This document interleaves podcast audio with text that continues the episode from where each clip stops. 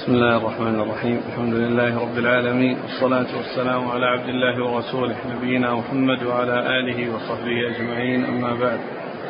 قال الإمام الحافظ أبو عيسى الترمذي رحمه الله تعالى قال في جامعه كتاب العلل. قال أبو عيسى رحمه الله جميع ما في هذا الكتاب من الحديث فهو معمول به. وقد أخذ به بعض أهل العلم ما خلا حديثين. حديث ابن عباس رضي الله عنهما أن النبي صلى الله عليه وآله وسلم جمع بين الظهر والعصر بالمدينة والمغرب والعشاء من غير خوف ولا سفر ولا مطر. وحديث النبي صلى الله عليه وآله وسلم أنه قال إذا شرب الخمر فاجلدوه فإن عاد في الرابعة فاقتلوه.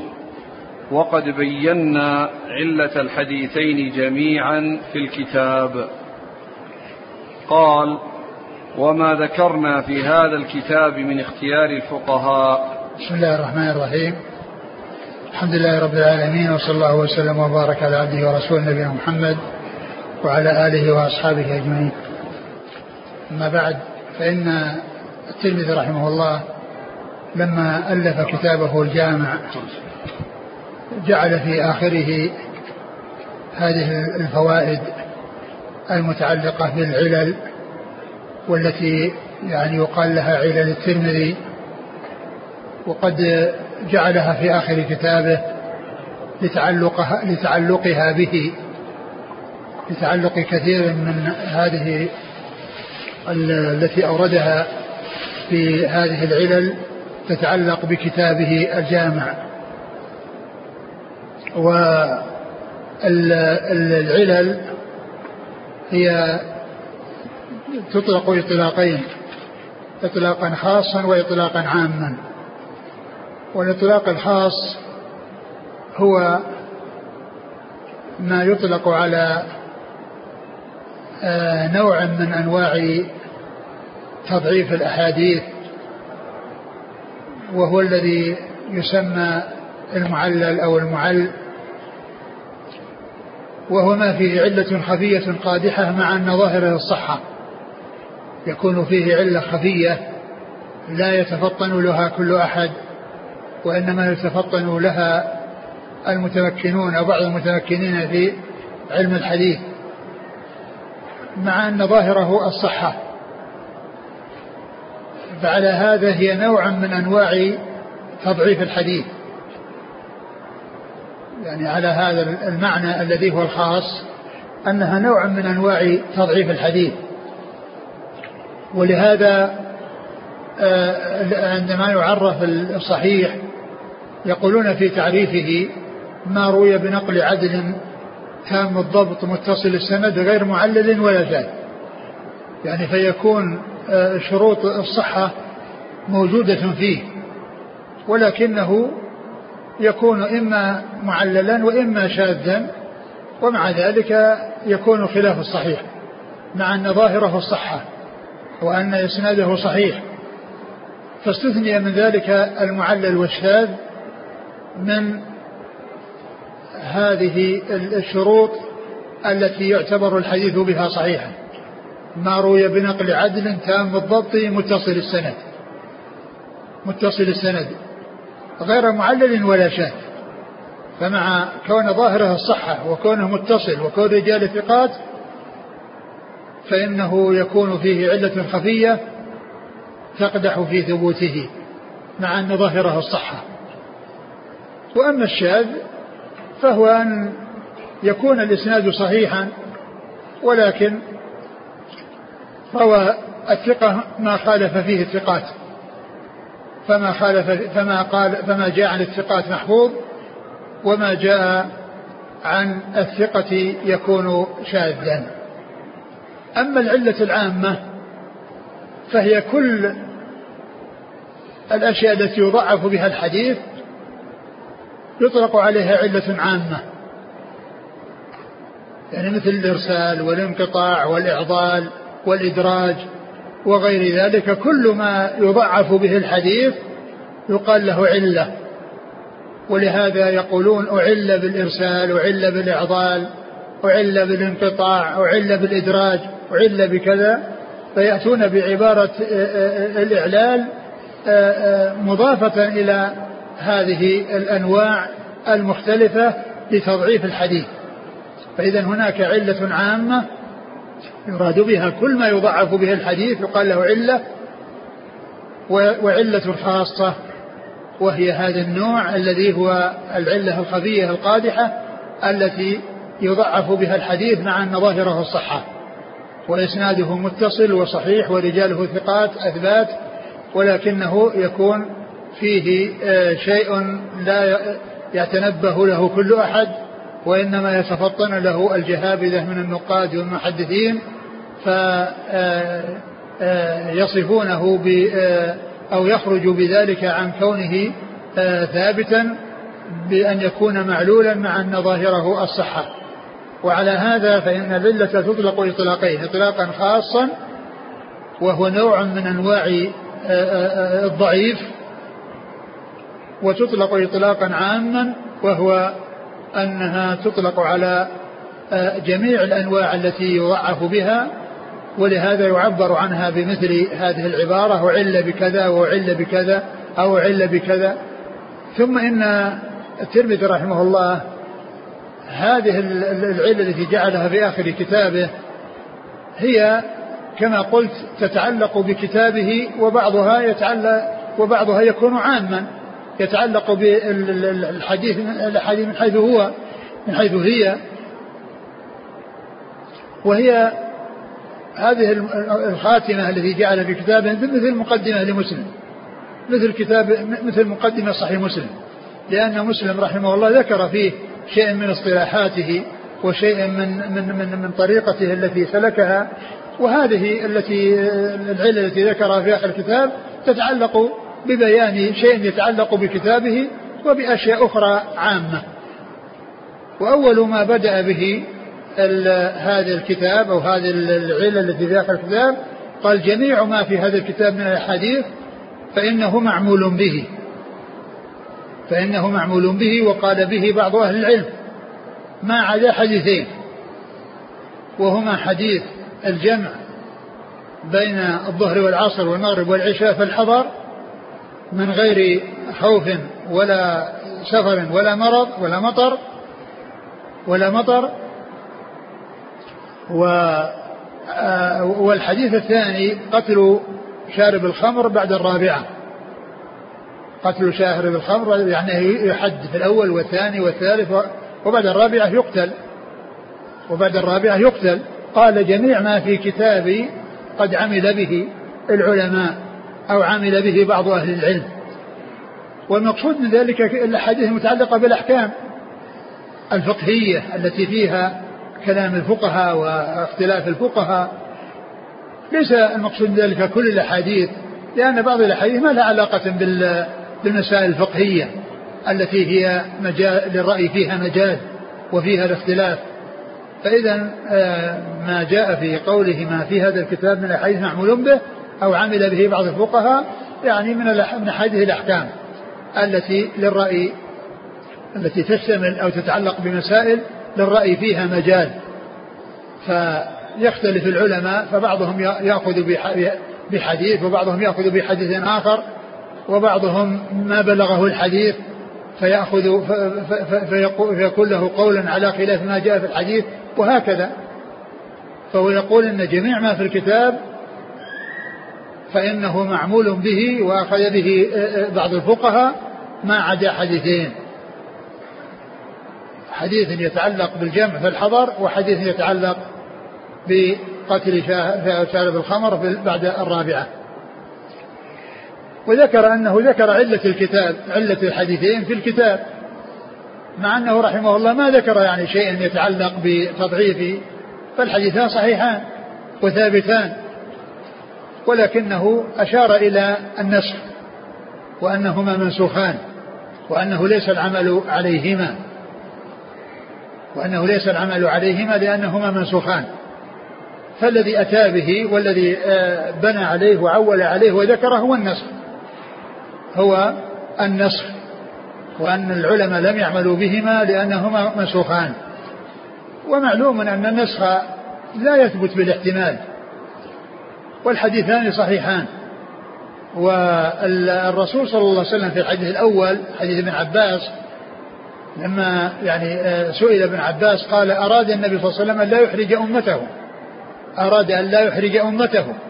معناه إذا حصل ضرورة أو أمر يقتضي ذلك ضرورة ف فإنه يسوغ الجمع يعني بين الوقتين. وهذا مثل ما هو موجود في هذا الزمان. في العمليات الجراحية إذا كان الأمر يتطلب بقاء الطبيب يعني ساعات يعني في الوقتين وقت الظهر والعصر أو وقت المغرب والعشاء. ولو ترك متابعة المريض والاستمرار معه في العملية فإنه يحصل بذلك مضرة فله أن يجمع ويدخل تحت هذا الحديث. فله أن يجمع ويدخل تحت هذا الحديث.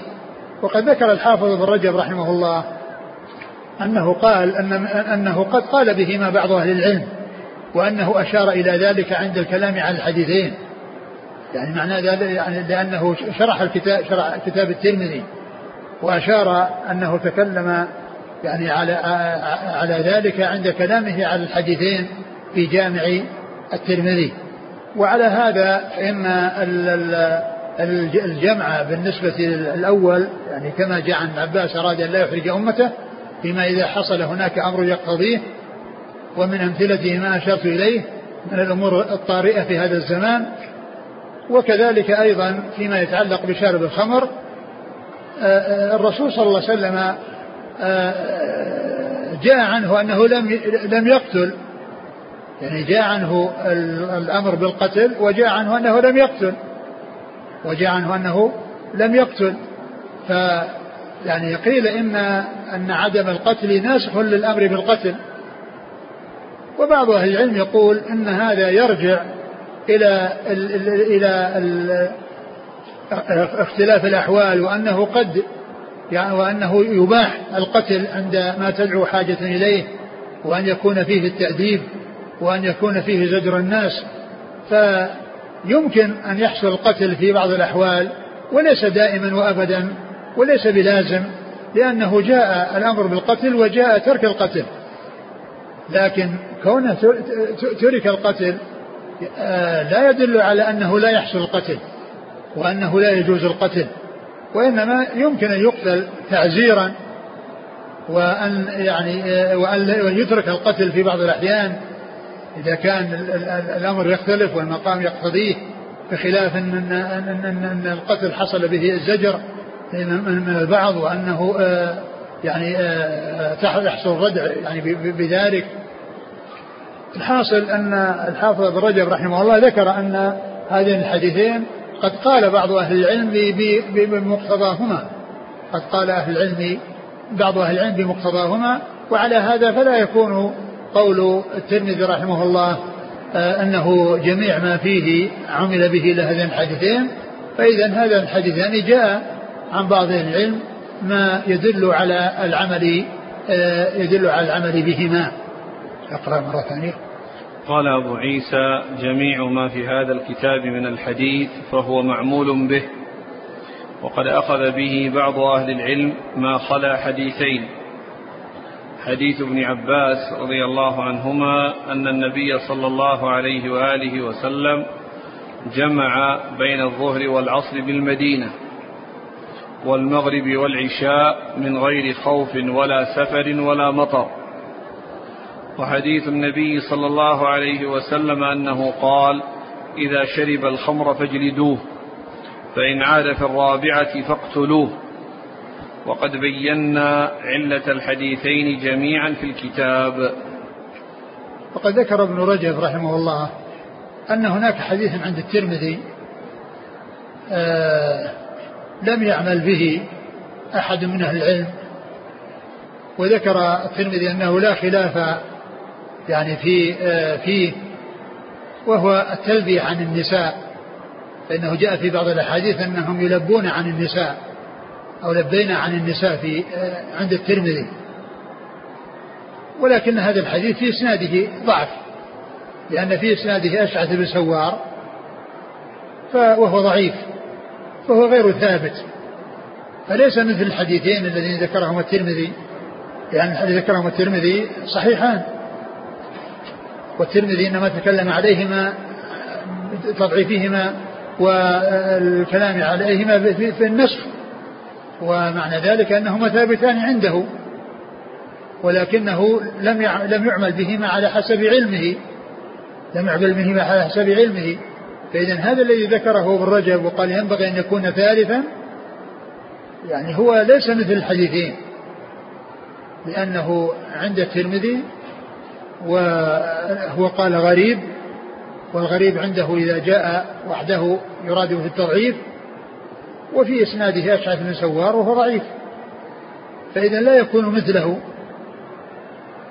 لا يكون مثله مثل مثلهما أي مثل الحديثين. والحديث عند الترمذي برقم 927 هذا الذي قال ابن رجب إنه ينبغي أن يكون ثالثا مع الحديثين. يعني آه، على حسب قول الترمذي يكون ثالثا. ورقمه 927 وفي إسناده اشعث بن سوار وهو ضعيف. نعم بعده. قال وما ذكرنا في هذا الكتاب من اختيار الفقهاء فما كان منه من قول سفيان الثوري فأكثره ما حدثنا به محمد بن عثمان الكوفي.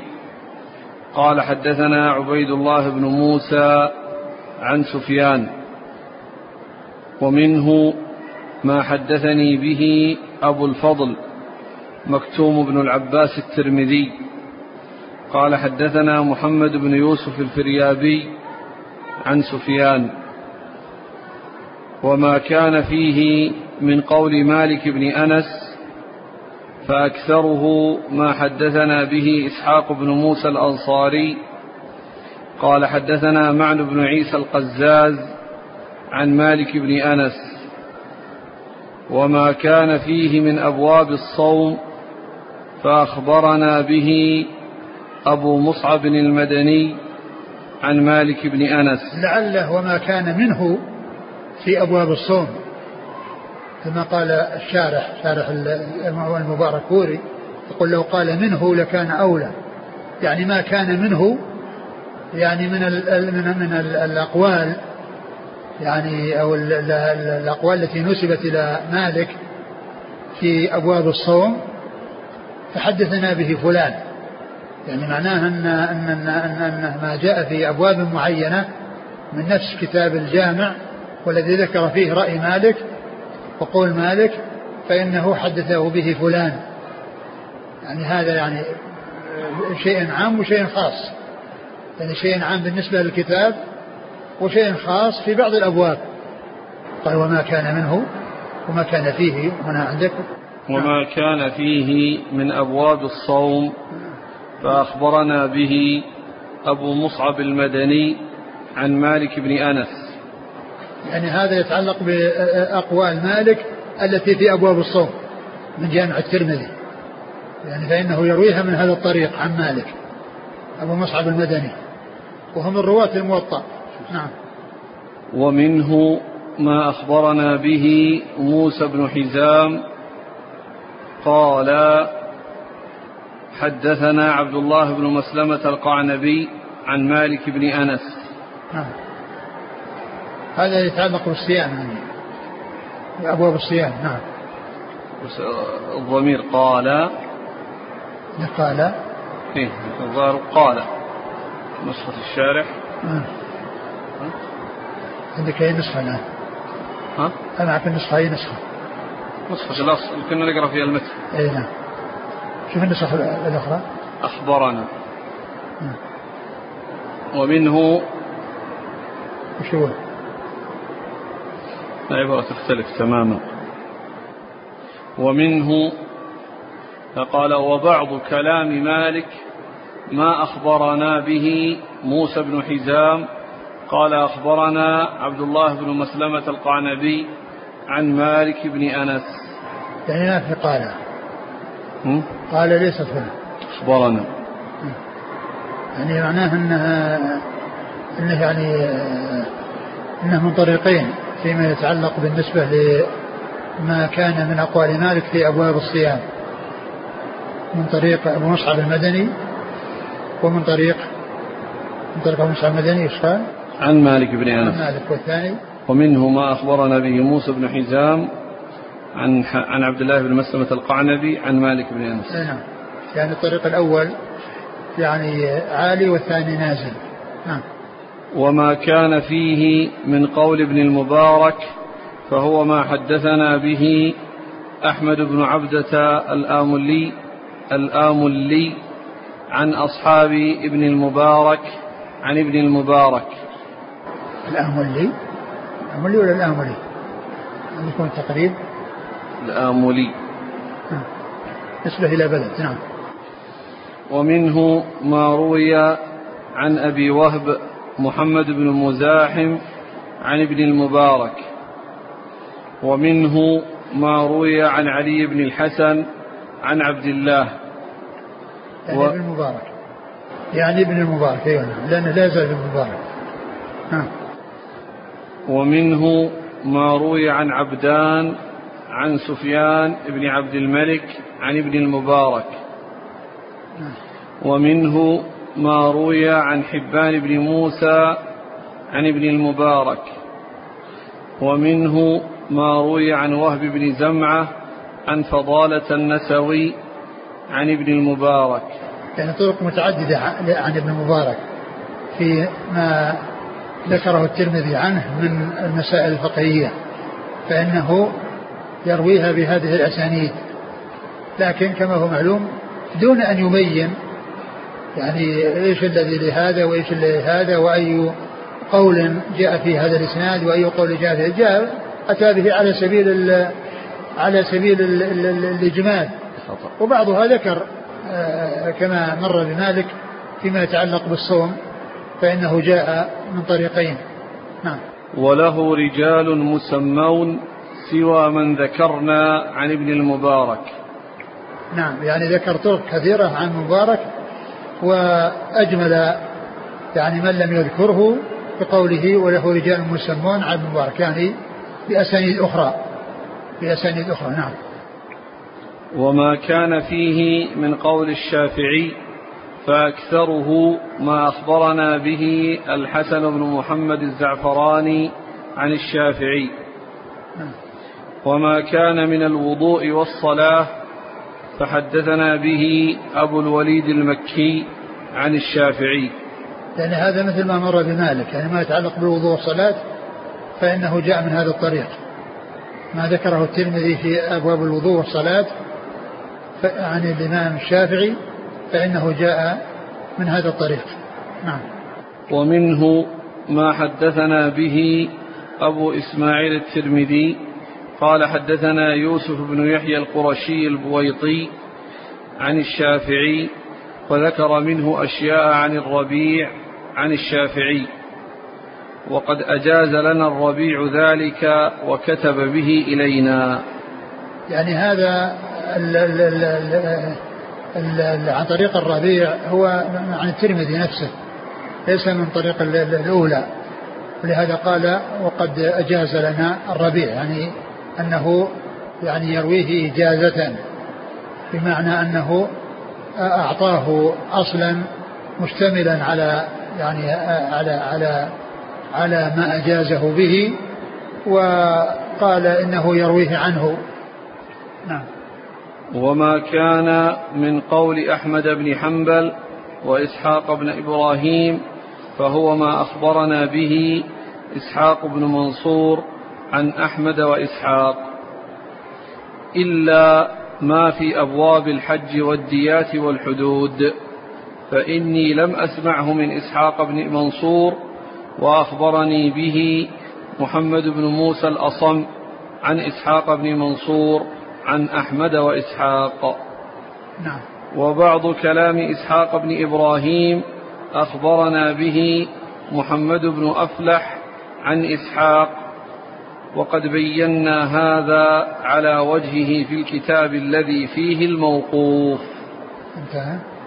وما كان فيه من ذكر العلل في الأحاديث. خلاص هذا موضوع آخر يعني هذا الذي مر ذكر فيه ستة من العلماء من الفقهاء كثيرا ما يذكر أقوالهم في المسائل الفقهية عقب الأحاديث. هؤلاء الستة هم الإمام مالك والإمام الشافعي والإمام أحمد وثلاثة آخرون غير الأئمة الثلاثة هم سفيان الثوري وعبد الله المبارك وإسحاق بن راهوية. وإسحاق بن راهوية. هؤلاء ستة كثيرا ما يأتي ذكرهم في مسائل الفقه. وبه قال فلان وقال فلان كذا. يعني في مسائل الفقه كثيرا ما تتكرر هذه الأسماء.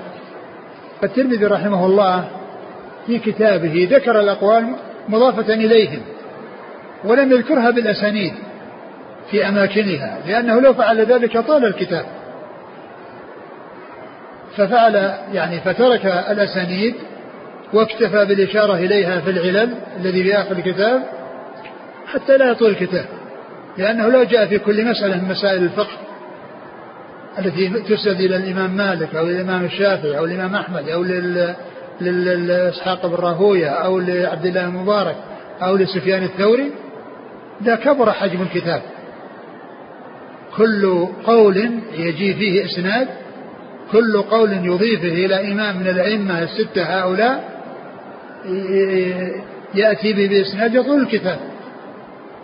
فهذا فعله رحمه الله من عدم ذكر الأسانيد في داخل الكتاب حتى لا يكبر حجم الكتاب هو من جنس إشارته إلى الأحاديث التي في الباب عن الصحابة. يعني يقول وفي الباب عن فلان وفلان وفلان. لأنه ذكره عن صحابي فلو أنه أتى بهؤلاء الذين رووا الحديث نفسه من الصحابة الذين سماهم بعد ذكر الحديث لكبر حجم الكتاب. مع أن هؤلاء الذين رووا الحديث هو بمعنى هذا الحديث. فهذا من الاختصار ومن ومن الإشارة إلى حصول الفائدة دون إهمالها ودون عدم ذكرها.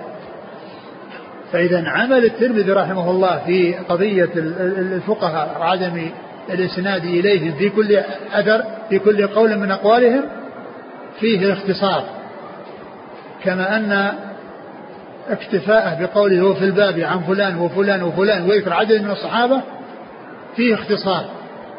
لا سيما وأحاديث هؤلاء بمعنى الحديث الذي أثبته والذي ساقه بأسناده ومتنه. فإذا هذا منه رحمه الله على سبيل الاختصار.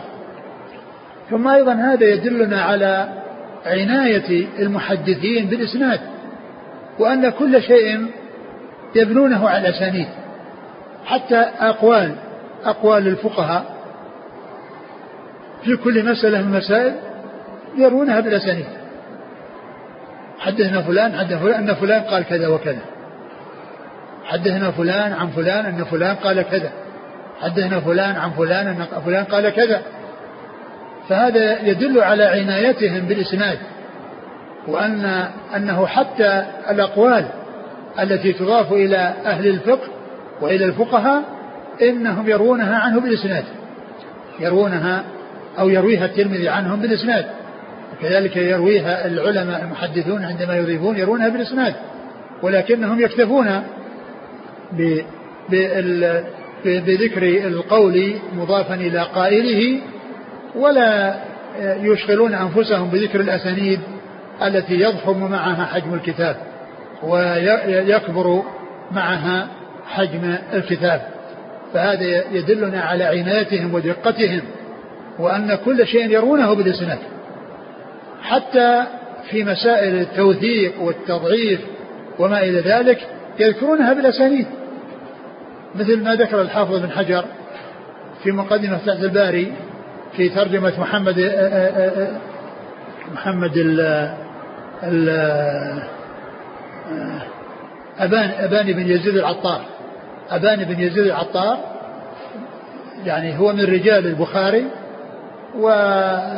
وعقدت الحافظ بن حجر في كتابه المقدمة آه، آه، بابا ذكر فيه الرجال الذين تكلم فيهم من رجال البخاري وبين أن هذا القدح أو هذا الذي أضيف إليهم لا يؤثر.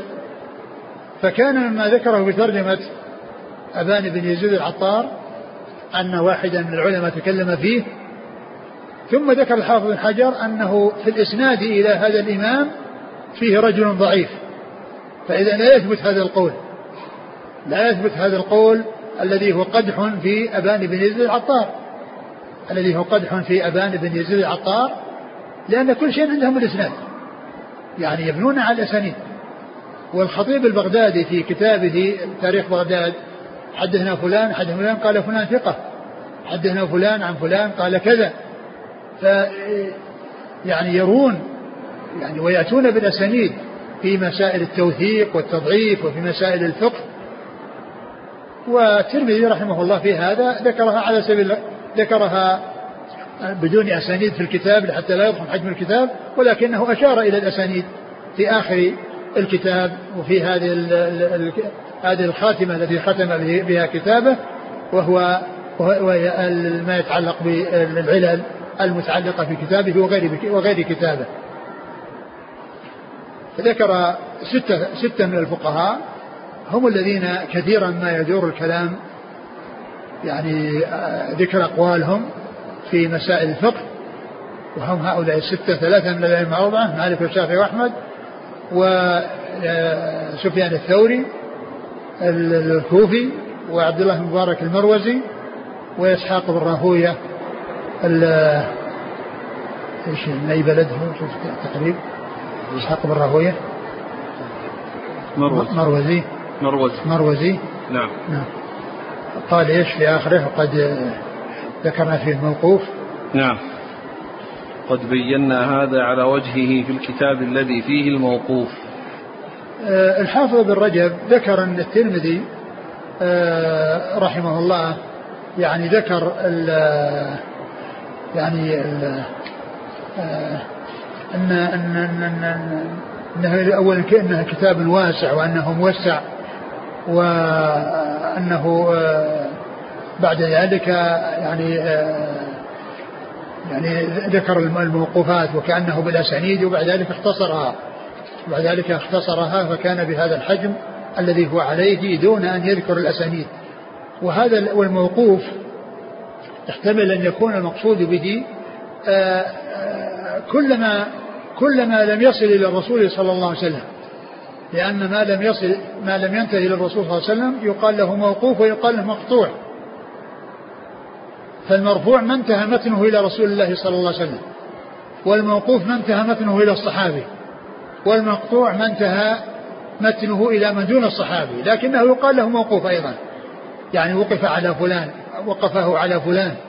يعني فلهذا يعني يدخل تحت الموقوف آه، مثل هذه الأشياء التي أشار إليها الترمذي فيما يتعلق بالنسبة للأسانيد التي تنتهي إلى هؤلاء الفقهاء فإن هذا يعتبر من قبيل الموقوف الذي هو موقوف عليهم وإن كان في الاصطلاح يقال مقطوع لأن أنه إذا انتهى المتن إلى من دون الصحابي يقال له مقطوع ويقال له موقوف أيضا. لكن غلب في الاستعمال الموقوف على الصحابة. غلب في الاستعمال الموقوف يراد به ما وقف على الصحابة. والمقطوع يعني ما كان دون الصحابة هو قد يطلق الموقوف على على المقطوع. فيقيد بأنه وقفه على فلان يعني معناه أنه انتهى الإسناد إلى فلان. انتهى الإسناد إلى إلى فلان. نعم.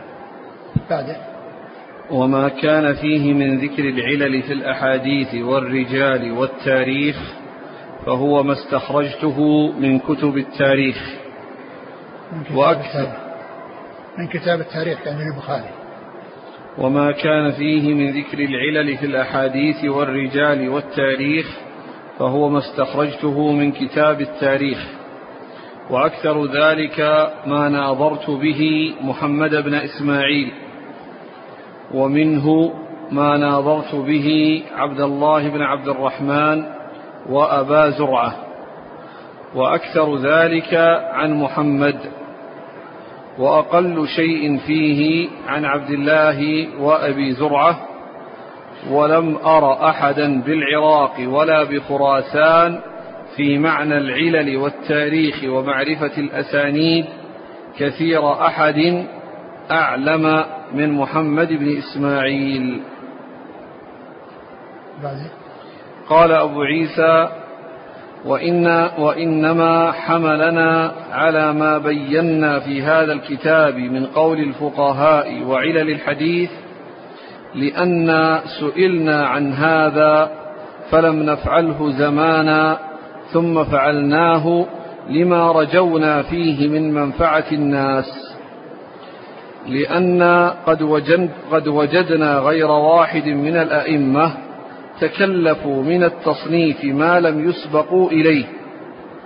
منهم هشام بن حسان وعبد الملك بن عبد العزيز بن جريج وسعيد بن أبي عروبة ومالك بن أنس وحماد بن سلمة وعبد الله بن المبارك ويحيى بن زكريا بن أبي زائدة ووكيع بن الجراح وعبد الرحمن بن مهدي وغيرهم من أهل العلم والفضل صنفوا فجعل الله في ذلك منفعة كثيرة. فنرجو لهم بذلك الثواب الجزيل عند الله لما نفع الله به المسلمين فبهم القدوة فيما صنفوا. وقد عاب بعض من لا يفهم على أهل الحديث. لا بس هذه مسألة جديدة. آه، الترمذي رحمه الله بعد ما ذكر آه، آه، أقوال الفقهاء الستة والأسانيد التي تنتهي إليهم ذكر بعد ذلك ما يتعلق بالعلل والكلام في الرجال والتاريخ وقال إنه بنى أو استخرج أكثر ما ذكره في كتابه من كتاب التاريخ لمحمد بن إسماعيل البخاري وبعض وكثير منه ناظر به البخاري ومن أسئلته للبخاري وبعضها لعبد الله بن عبد الرحمن الدارمي شيخه وبعضها من أبي زرعة الرازي عبد الله بن عبد الكريم شيخه ثم ذكر أن أكثر ما كان وذكر أن أكثر ما كان إنما من البخاري ثم أثنى على البخاري وأنه ما وجد في خراسان والعراق أحد أعلم بالحديث وعلله ورجاله من الإمام البخاري. فبين الترمذي رحمه الله هنا على سبيل الإجمال أن ما أورده في كتابه فيما يتعلق بالعلل وما يتعلق بالرجال وما يتعلق بالتاريخ إنما استفاده من كتاب التاريخ للبخاري وكذلك استفاده من مناظرته لهؤلاء الثلاثة. وأكثر ما استفاده إنما هو من الإمام البخاري. وهؤلاء الثلاثة كلهم من شيوخه كلهم من شيوخه. ويأتي ذكرهم في الأسانيد. حدثنا محمد بن إسماعيل حدثنا عبد الله بن عبد الرحمن حدثنا أبو زرعة. ولكن ذكره أبا زرعة قليل قليل جدا. يعني يأتي في الأسانيد أبو زرعة يعني قليل. بخلاف البخاري وعبد الله بن عبد الرحمن الدارمي فإنه يتكرر ذكرهم في الأسانيد وذكر الأحاديث عنهم وكذلك يشير إلى المناظرة والأسئلة مع البخاري كثيرا وكذلك أيضا ما يعني سؤاله عبد عبد الله بن عبد الرحمن آه، عبد عبد الله بن عبد الرحمن الدارمي وقال إن ما حصل له من الدارمي عبد الله بن عبد الرحمن ومن أبي زرعة الرازي عبد الله بن عبد الكريم إنما هو شيء قليل والأكثر إنما هو عن الإمام البخاري. ثم ذكر ان ان أنه مضى عليه وقت وأنه ألف الكتاب دون أن يذكر مسائل الفقه وكلام الفقهاء ولكنه بعد ذلك رأى المصلحة وسئل وطلب منه ذلك فرأى المصلحة فأضاف إلى ذلك ما يتعلق بالفقه. فكان كتابه كتاب رواية ودراية. كتاب رواية ودراية كتاب فقه وحديث. كتاب كونه فقه كونه حديث يعني ما ساقه من الأسانيد والمتون وكونه فقه ما ذكر من استنباط الفقهاء ومن قول الفقهاء وعملهم بالحديث. أو عملهم بحديث آخر. فكان كتابه رحمه الله كتاب حديث وفقه. وقد سمعت يعني آه، في حياة الشيخ عبد العزيز بن باز رحمة الله عليه أنه كان في آخر أمره أنه كان يقرأ المسائل الفقهية التي يأتي بها الترمذي عقب الأحاديث. يعني كان يراجعها حتى يعرف يعني كلام الفقهاء يعني من من خلال كلام الترمذي رحمه الله. يعني ما يقرأ الكتاب ولكنه يأتي إلى المسائل الفقهية التي يذكرها الترمذي في آخر الأحاديث حتى يعلم كلام الفقهاء من كلام الترمذي رحمه الله. فكان الترمذي رحمه الله ذكر أنه في أول أمر ما كان يعني ذكر ذلك وإنما كان يذكر الأحاديث بدون أن يضيف إليها شيء وبعد ذلك رأى المصلحة في هذا. إيش قال في هذا؟ وإنما حملنا على ما بينا في هذا الكتاب من قول الفقهاء وعلل الحديث. من قول الفقهاء الذي ذكر ستة منهم وذكر الأسانيد عنهم إجمالا هنا وكذلك العلل للحديث التي ذكر أنه استفادها من من كتاب التاريخ للبخاري وناظر فيها محمد بن إسماعيل البخاري وعبد الله بن عبد الرحمن الدارمي وأبا زرعة الرازي. نعم. لأن سئلنا عن هذا فلم نفعله زمانا ثم فعلناه لما رجونا فيه من منفعة الناس. يعني كان طلب منه ذلك ولكنه ما فعله. ولكنه بعد ذلك رأى المصلحة في أن يفعله ففعله فصار كتابه مشتملا على ال ال ال كلام الفقهاء وعلى كلام العلل وعلى التضعيف وعلى ال ال أن البخاري قال كذا وفلان قال كذا وذكر كلام في الرجال فمثل هذا ما كان موجودا من قبل وما كان أراد أن يفعله وقد سئل أن أن يفعل ذلك ولكنه في آخر الأمر فعل فصار كتابه مشتملا على الأمور الثلاثة التي هي المتون الأسانيد والمتون ثم ما يتعلق بالفقه وما يتعلق بالعلل والكلام على الأحاديث والتصحيح والتضعيف. نعم. لأن قد وجدنا غير واحد من الأئمة تكلفوا من التصنيف ما لم يسبقوا إليه. تكلفوا هنا يقصد بها يعني معناه تجشموا وتعبوا ونالهم جهد ومشقة وتعب شديد لأنه يثني عليهم. ليس من التكلف الذي هو الإنسان يتكلف ما ليس له الذي هو ذم للإنسان وإنما هذا مدح. ولهذا يعني آه يعني ذكر يعني بعد ذلك أثنى عليهم وعلى جهودهم ونفع الله وما ما حصل ما حصل من النفع بمؤلفاتهم. فذكر أنهم تكلفوا يعني معناه أصابهم كلفة وأصابهم مشقة وعنى ونصب وتعب في هذا الذي قاموا به من التصنيف. فهو مدح لهم وليس من التكلف المذموم الذي يتكلف الإنسان يعني ما ليس من أهله وما لا قبل له به. نعم تكلفوا.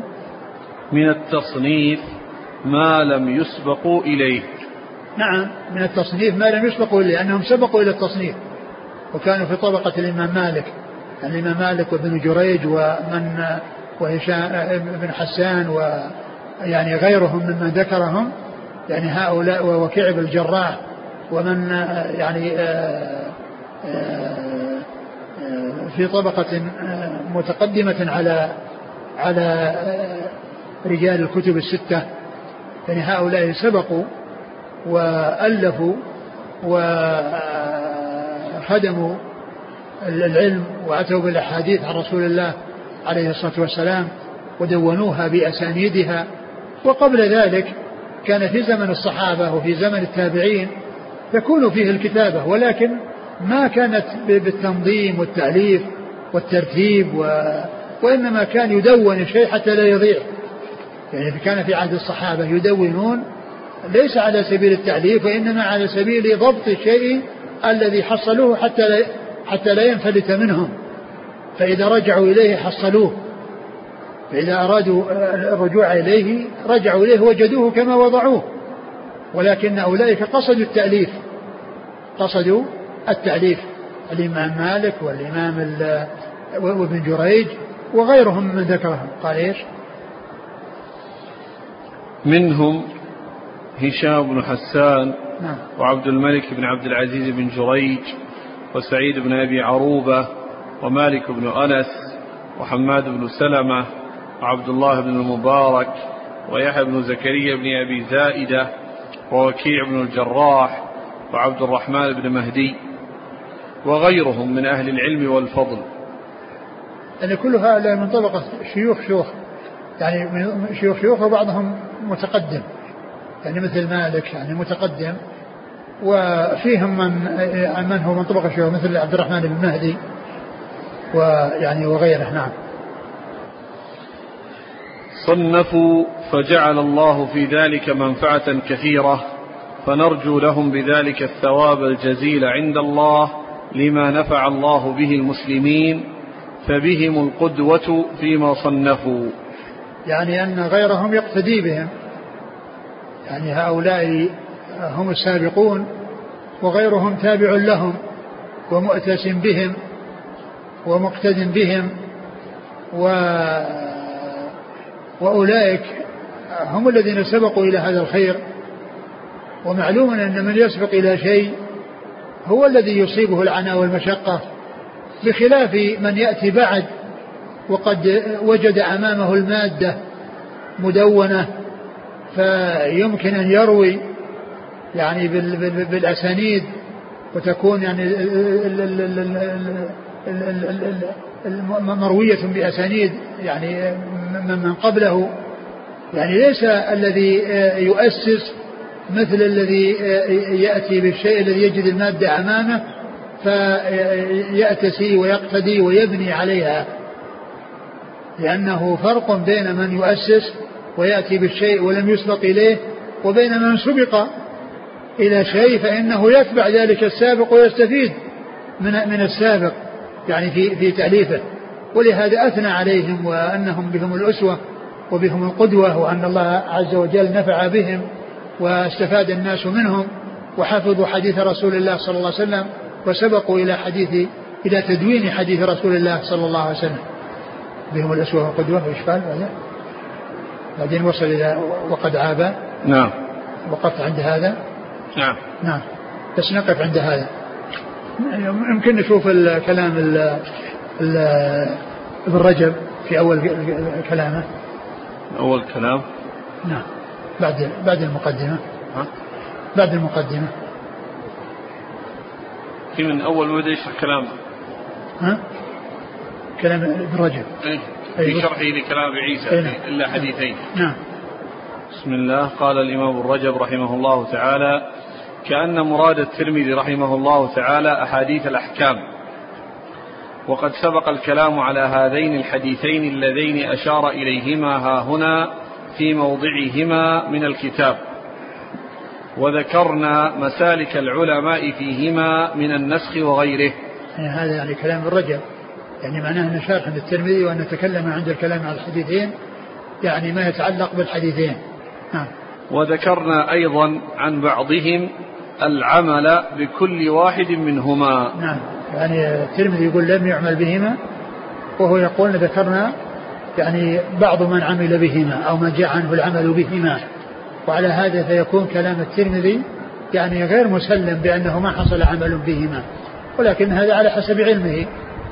على حسب علمه والحافظ بن رجب يعني وقف على أنه قد عمل بهما وقد ذكر هو أشار هنا إلى ما ذكره في شرحه للحديثين من جامع الترمذي. نعم.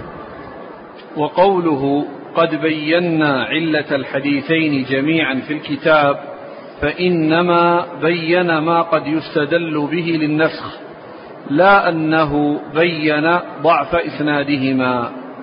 ما تكلم عن الإسناد وما قدح في الإسناد وإنما أشار إلى يعني إلى عدم العمل بهما وأنه يستفاد النسخ. نعم.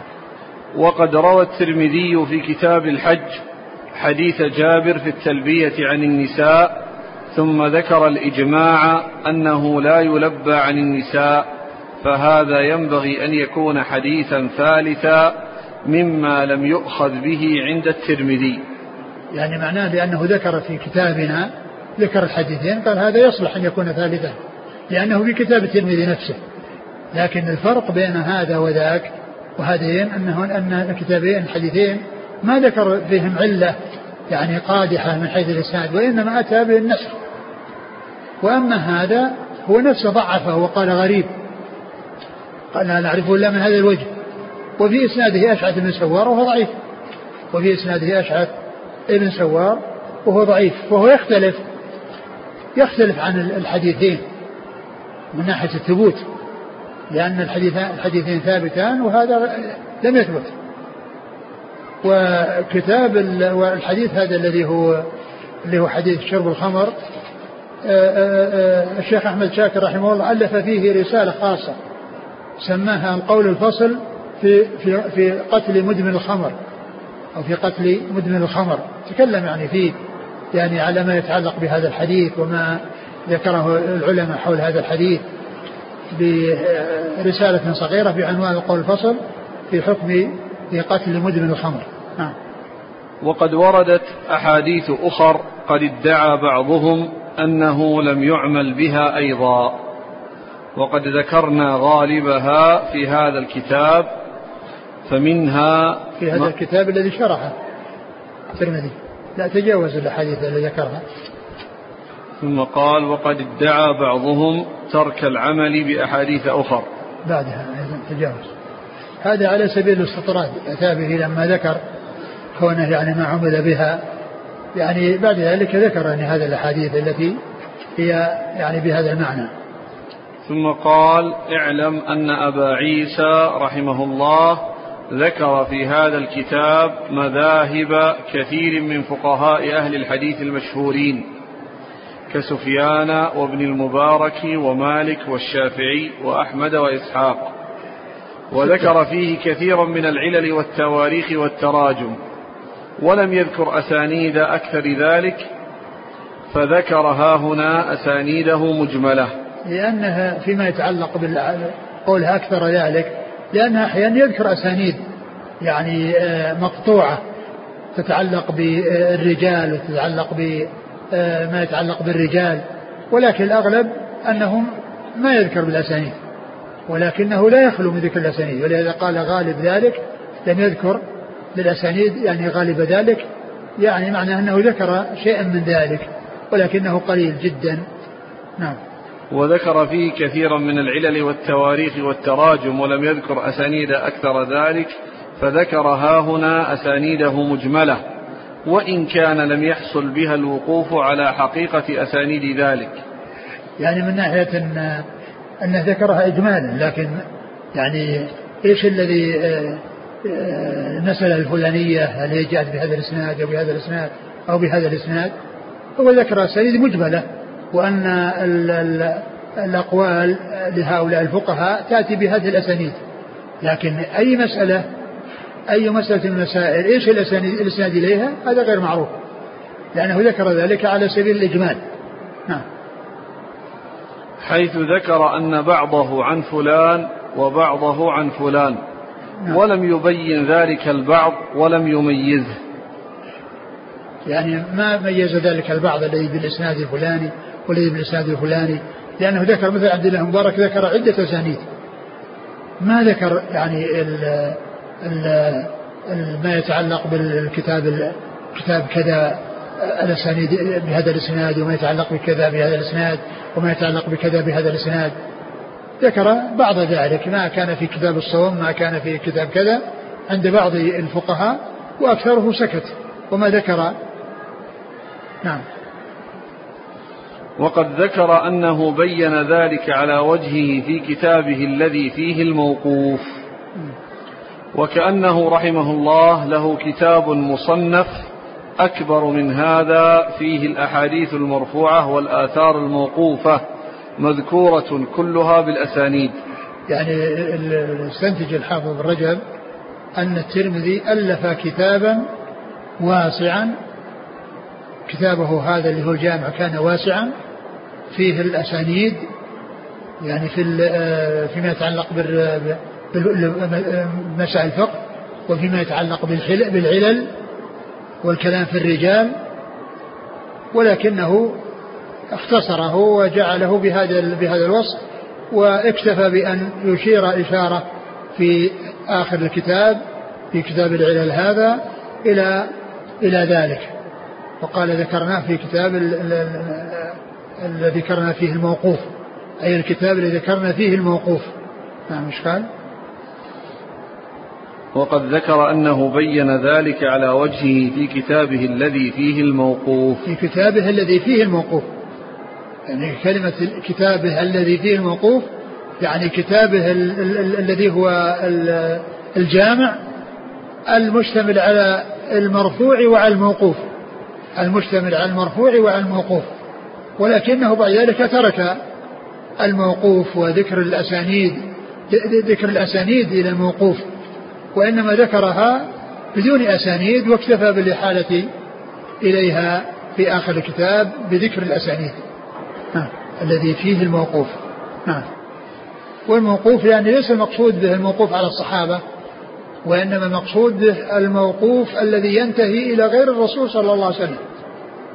الذي ينتهي إلى غير الرسول صلى الله عليه وسلم سواء انتهى إلى صابع صحابي أو إلى تابعي أو تابع تابعي. نعم.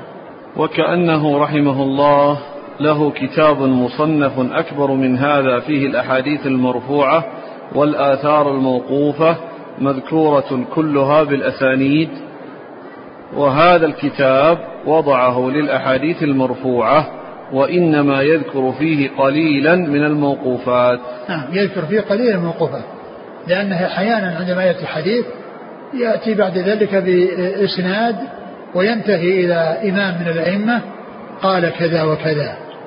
وهذا قليل جدا. نعم. وأما التواريخ والعلل والأسماء ونحو ذلك فقد ذكر أن أكثر كلامه فيه استخرجه من كتاب تاريخ البخاري. وهو كتاب جليل لم يسبق إلى مثله رحمه الله ورضي الله عنه. يعني البخاري كتاب التاريخ. نعم. وهو جامع لذلك كله. يقول ثم لما وقف عليه أبو زرعة وأبو حاتم الرازيان رحمهما الله صنفا على منواله كتابين. أحدهما كتاب الجرح والتعديل وفيه ذكر الأسماء فقط وزاد على ما ذكره البخاري أشياء من الجرح والتعديل. وفي كتابهما من ذلك شيء كثير لم يذكره البخاري. والثاني كتاب العلل أفرد فيه الكلام في العلل. وقد ذكر الترمذي رحمه الله أنه لم يرى بخراسان ولا بالعراق في معنى هذه العلوم كبير أحد أعلم بها من البخاري مع أنه رأى أبا زرعة وعبد الله بن عبد الرحمن الدارمي وذاكرهما ولكن أكثر علمه في ذلك مستفاد من البخاري وكلامه كالصريح في تفضيل البخاري في هذا العلم على أبي زرعة والدارمي وغيرهما. وقد صنف في هذا العلم كتب كثيرة غير مرتبة كترتيب كتاب البخاري وأبي حاتم وأبي زرعة. منها ما هو منقول عن يحيى بن سعيد القطان ومنها عن علي بن المديني وابن معين ومنها عن أحمد بن حنبل رحمه الله. وقد رتب أبو بكر الخلال العلل المنقولة عن أحمد على أبواب الفقه وأفردها فجاءت عدة مجلدات. وقد ذكرنا فيما تقدم في كتاب العلم شرف علم العلل وعزته. يعني كتاب العلم يعني كان من من جامع الترمذي. يعني عندما شرحه ذكرنا فيما تقدم. قد ذكرنا. فيما تقدم في كتاب العلم شرف علم العلل وعزته. وأن أهله المتحققين به أفراد يسيرة من بين الحفاظ وأهل الحديث. وقد قال أبو عبد الله بن منده الحافظ إنما خص الله بمعرفة هذه الأخبار نفرا يسيرا من كثير ممن يدعي علم الحديث. فأما سائر الناس ممن يدعي كثرة كتابة الحديث أو متفقه أو متفقهه لا. فأما سائر الناس ممن يدعي كثرة كتابة الحديث أو متفقه في علم الشافعي وأبي حنيفة أو متبع لكلام الحارث المحاسبي والجنيد وذي النون وأهل الخواطر فليس لهم أن يتكلموا في شيء من علم الحديث إلا من أخذه عن أهله وأهل المعرفة به فحينئذ يتكلم بمعرفته. انتهى. ثم قال اعلم أن العلم المتلقى عن النبي صلى الله عليه وسلم من أقواله وأفعاله كان الصحابة رضي الله عنهم في زمن نبيهم صلى الله عليه وسلم يتداولونه بينهم حفظا له ورواية. ومنهم من كان يكتب كما تقدم في كتاب العلم عن عبد الله بن عمرو بن العاص رضي الله عنه. ثم بعد وفاة النبي صلى الله عليه وسلم كان بعض الصحابة يرخص في كتابة العلم عنه وبعضهم لا يرخص في ذلك ودرج التابعون أيضا على مثل هذا الاختلاف وقد ذكرنا كراهة ذكر وقد ذكرنا كراهة كتابة الحديث والرخصة فيه. والرخصة فيه مستوفا في كتاب العلم من هذا الكتاب. كتاب العلم من هذا الكتاب. كتاب العلم من هذا الكتاب اللي هو جامع الترمذي والذي كان يكتب في زمن الصحابة والتا... والذي كان يكتب في زمن الصحابة والتابعين لم يكن تصنيفا مرتبا مبوبا إنما كان يكتب للحفظ والمراجعة فقط. ثم إنه في عصر تابع التابعين صنفت التصانيف وجمع طائفة من أهل العلم كلام النبي صلى الله عليه وسلم وبعضهم جمع كلام الصحابة. قال عبد الرزاق أول من صنف الكتب ابن جريج. وصنف الأوزاعي حين قدم على يحيى بن أبي كثير كتبه خرجه ابن عدي وغيره. وانقسم يعني الذي هذا يعني لما ذكر يعني هذا يعني هذا اللي اشار إليهم الترمذي رحمه الله أن الذين تكلفوا كذا ذكر منهم جريج ومنهم كذا يعني في آه، زمن متأخر. نعم. وانقسم الذين صنفوا الكتب أقساما منهم من صنف كلام النبي صلى الله عليه وسلم أو كلامه وكلام أصحابه على الأبواب. كما فعل مالك وابن المبارك وحماد بن سلمة وابن أبي ليلى ووكيع وعبد الرزاق ومن سلك سبيلهم في ذلك. ومنهم من جمع الحديث على مسانيد الصحابة كما فعله أحمد وإسحاق وعبد بن حميد والدارمي ومن سلك مسلكهم في ذلك. ظاهر ذكر الدارمي. الدارمي يعني يقال مسند ويقال يعني سنن. وفعله ليس على طريقة المسانيد وإنما يقال المسند على اعتبار أنه بالإسناد وإلا فإنه ليس مثل مسند الإمام أحمد ومثل المسانيد التي هي على الصحابة. معروف وعلى أبواب الفقه مثل سنن الترمذي وسنن سنن ابن ماجه وغيره. قال ابن أبي خيثمة حدثنا الزبير بن بكار قال أخبرني محمد بن الحسن عن مالك بن أنس قال أول من دون العلم ابن شهاب يعني الزهري. ومحمد بن الحسن كأنه ابن زبالة لا يعتمد عليه. يعني هو يذكر عن ابن شهاب أنه هو أول من دون الحديث وكان بأمر من عمر بن عبد العزيز. ولهذا يقول السيوطي في الألفية أول جامع الحديث والأثر ابن شهاب آمر له عمر. أول جامع جامع الحديث والأثر ابن شهاب آمر له عمر. نعم. يعني وهذا يعني يعني معناها أول من جمعه بأمر من السلطان ولي الأمر. وإلا فإنه قبل ذلك مكتوب ولكنه يعني آه، ما جمع ورتب ونظم نعم. وقال ابن خراش يقال إن أول من صنف الكتب سعيد بن أبي عروبة. وقال يعقوب بن شيبة يقولون إن أول من صنف الكتب بالكوفة يحيى بن زكريا بن أبي زائدة وبالبصرة حماد بن سلمة. وهو ذكرهم الترمذي. الترمذي رحمه الله ذكر يعني اللي صنفوا فلان وفلان وفلان وهم هؤلاء. وقال عبد الله بن أحمد قلت لأبي أول من صنف الكتب من هو؟ قال ابن جريج وابن أبي عروبة يعني ونحو هؤلاء. وقال ابن جريج ما صنف أحد العلم تصنيفي. قال وسمعت أبي يقول قدم ابن جريج على أبي جعفر يعني المنصور فقال له إني قد جمعت حديث جدك عبد الله بن عباس وما جمعه أحد جمعي أو نحو ذا فلم يعطه شيئا.